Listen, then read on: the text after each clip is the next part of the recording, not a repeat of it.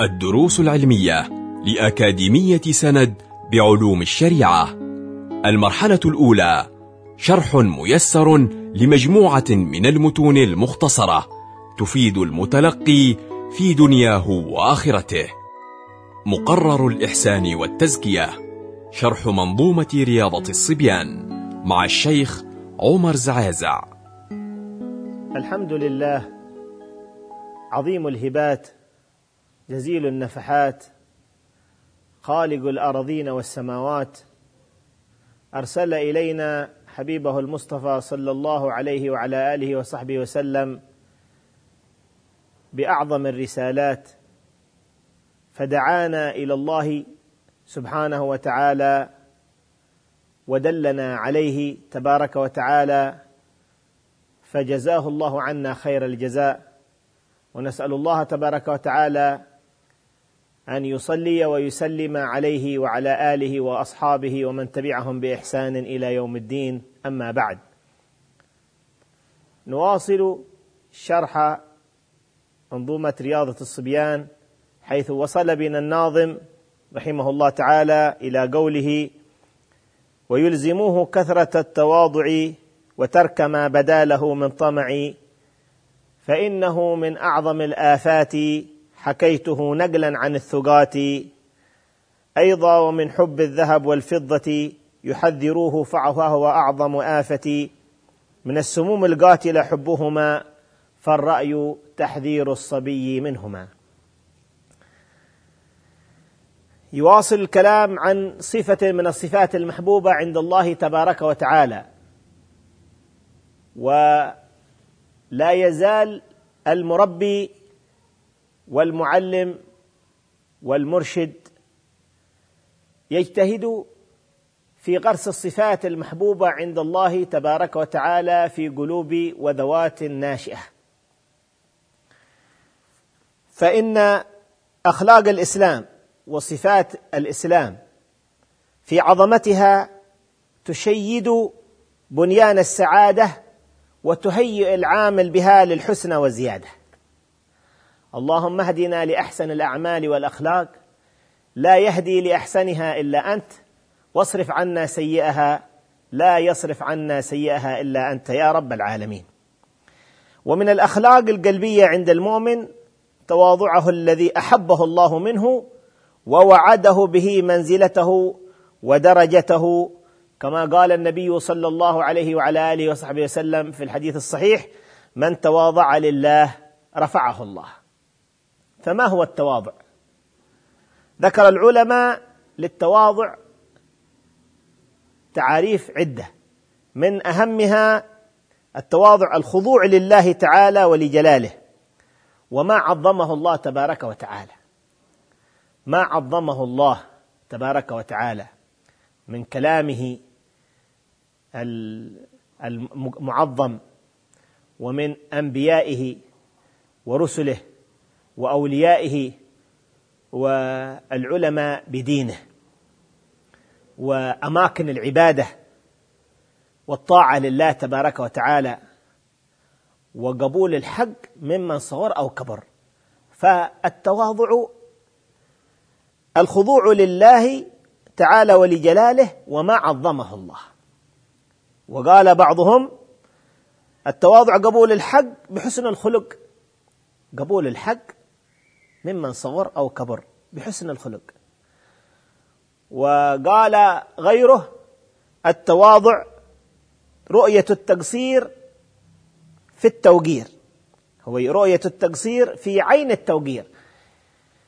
يشهد في نفسه التقصير مع عين التوقير والإجلال والإحترام لمن أمره الله سبحانه وتعالى بإجلاله وإكرامه وتعظيمه. ويلزموه يعني يلزموه المرب كل كل مرب ومرشد ومعلم وأب. قال يلزم الصبي والصبية بالخصال المحمودة ومنها التواضع المذكور.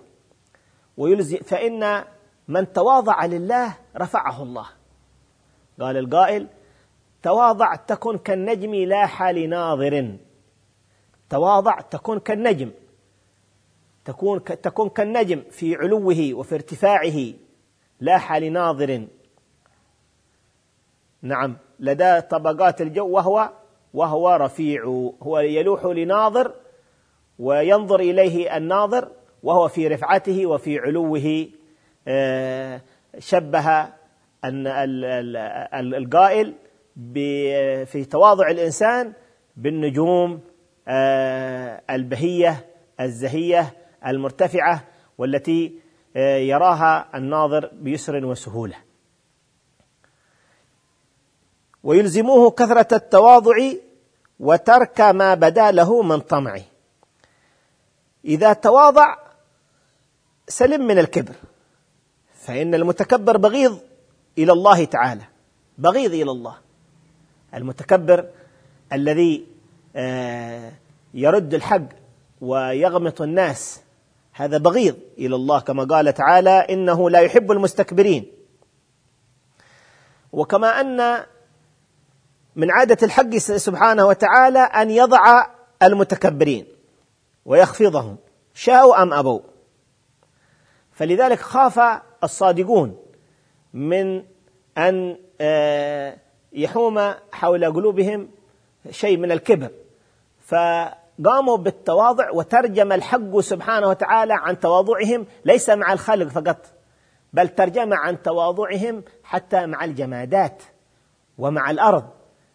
قال تبارك وتعالى وعباد الرحمن الذين يمشون على الأرض هونا وإذا خاطبهم الجاهلون قالوا سلاما. فترجم الباري سبحانه وتعالى عن تواضعهم حتى مع الجمادات ومع الأرض.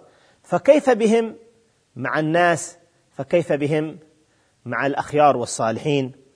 وهكذا من استقر في قلبه التواضع ترى الآثار الطيبة في أقواله وأفعاله وتصرفاته.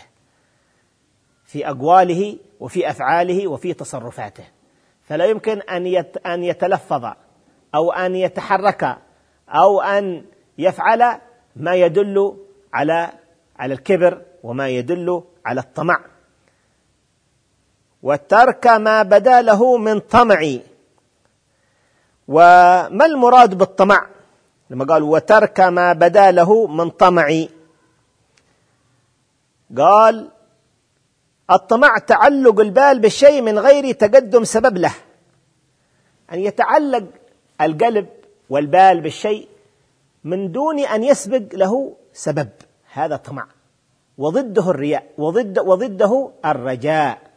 الرجاء تعلق القلب بالشيء مع سبق سبب له. هذا رجاء. فمثلا الشخص الذي آه، يكون لديه شيء من المال ويرجو أن يوفقه الله تبارك وتعالى للإنفاق في سبيل الله. فهذا رجاء. فإذا لم يكن عنده شيء من المال ويحب أن ينفق فهو طامع في أن يسخر الله له وأن ييسر الله له من المال فيسخره في أوجه الخير. مثال آخر يوضح الطمع والرجاء. الطمع شخص يريد أن يكون من أهل العلم ومن أهل المعرفة ولكن لم يسبق منه اجتهاد ولم يسبق منه آه، مطالعة ومثابرة ومراجعة وتمر عليه الأوقات ضائعة ويريد أن يكون من أهل العلم وأهل التحصيل والنافعين في الأمة. فهذا عنده طمع. أما إذا سبق منه الاجتهاد والتحصيل والمذاكرة والمثابرة ومع ذلك يرجو أن يجعله الله من العلماء العاملين ومن الدعاة المرشدين المنصحين فهذا عنده رجاء في الله تبارك وتعالى. ولما كان الطمع من أقوى الأسباب ومن أشدها ضررا على الإنسان فإن المتأمل في هذه صفة الطمع يجد أن الإنسان يسعى لأخذ المال الحرام. ما سببه؟ الطمع. يفكر في أن يعتدي على غيره. ما سبب ذلك؟ الطمع. يفكر أن يعتدي على على الأعراض وعلى الأنفس. سبب ذلك؟ الطمع. يفكر في أن يأخذ منصب غيره من غير حق والاستحقاق.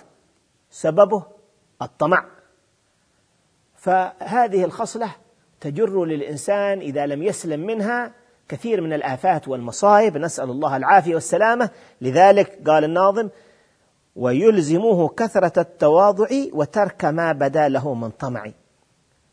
ما وصف هذا الطمع؟ قال فإنه من أعظم الآفات المصائب والبلايا في واقع الإنسان في حياته وفي وبعد مماته. فإنه من أعظم الآفات حكيته نقلا عن الثقات. حكيت هذا التوصيف لخطر الطمع نقلا عن الثقات. من أين أتيت به يا أيها الشيخ؟ قال نقلا عن الثقات وهو جمع ثقة وهم من يعتمد عليه في القول والفعل. من يعتمد عليه في القول والفعل. نقل هذا عن عن أهل العلم الثقات. فإذا علم المتعلم والمستفيد أهمية التواضع. يتفكر ماذا ورد في فضل التواضع عن النبي صلى الله عليه وسلم. فيستفيد من فضل التواضع. قول النبي عليه الصلاة والسلام التواضع لا يزيد العبد إلا رفعه فتواضعوا يرفعكم الله. أخرجه ابن أبي الدنيا في ذم الغضب. فتواضعوا يرفعكم الله. نعم. ما الطريق إلى هذا التواضع ولأن يسلم من الطمع؟ قال أن يقدر كل إنسان رفيع أو وضيع ما ذكره الإمام الغزالي رحمه الله. قال أنك إذا رأيت صغيرا قل إنه لم يعص الله قبلي وأنا عصيته قبله وإن رأيت كبيرا قلت هذا قد عبد الله قبلي وهذا قد عبد الله قبلي وأطاعه قبلي وأنا لم أطعه قبل هذا الرجل لا. الكبير فيحمله ذلك على التواضع لله تبارك وتعالى. نسأل الله تبارك وتعالى أن يجعلنا من المتواضعين وأن يوفقنا لغرس هذه الصفة المحبوبة في ناشئتنا وأبنائنا وبناتنا وأن يوفقنا لأخذ ولإخراج وإبعاد صفات الطمع من بواطنهم ومن قلوبهم حتى لا يطمع إلا في ذكر الله. فالطمع في ذكر الله في طاعة الله. يطمع في ذكر الله وفي طاعته وفي الاستزادة من معرفته ومما يقربهم منه تبارك وتعالى. اللهم وفقنا لما تحبه وترضاه واجعلنا من الذين يستمعون القول فيتبعون أحسنه. وصلى الله على البشير النذير سيدنا محمد وآله وصحبه وسلم والحمد لله رب العالمين. كنتم مع الدروس العلمية لأكاديمية سند بعلوم الشريعة. يمكنكم متابعة جميع الدروس عبر موقع الأكاديمية وتطبيقاتها الإلكترونية. سند علم سلوك دعوة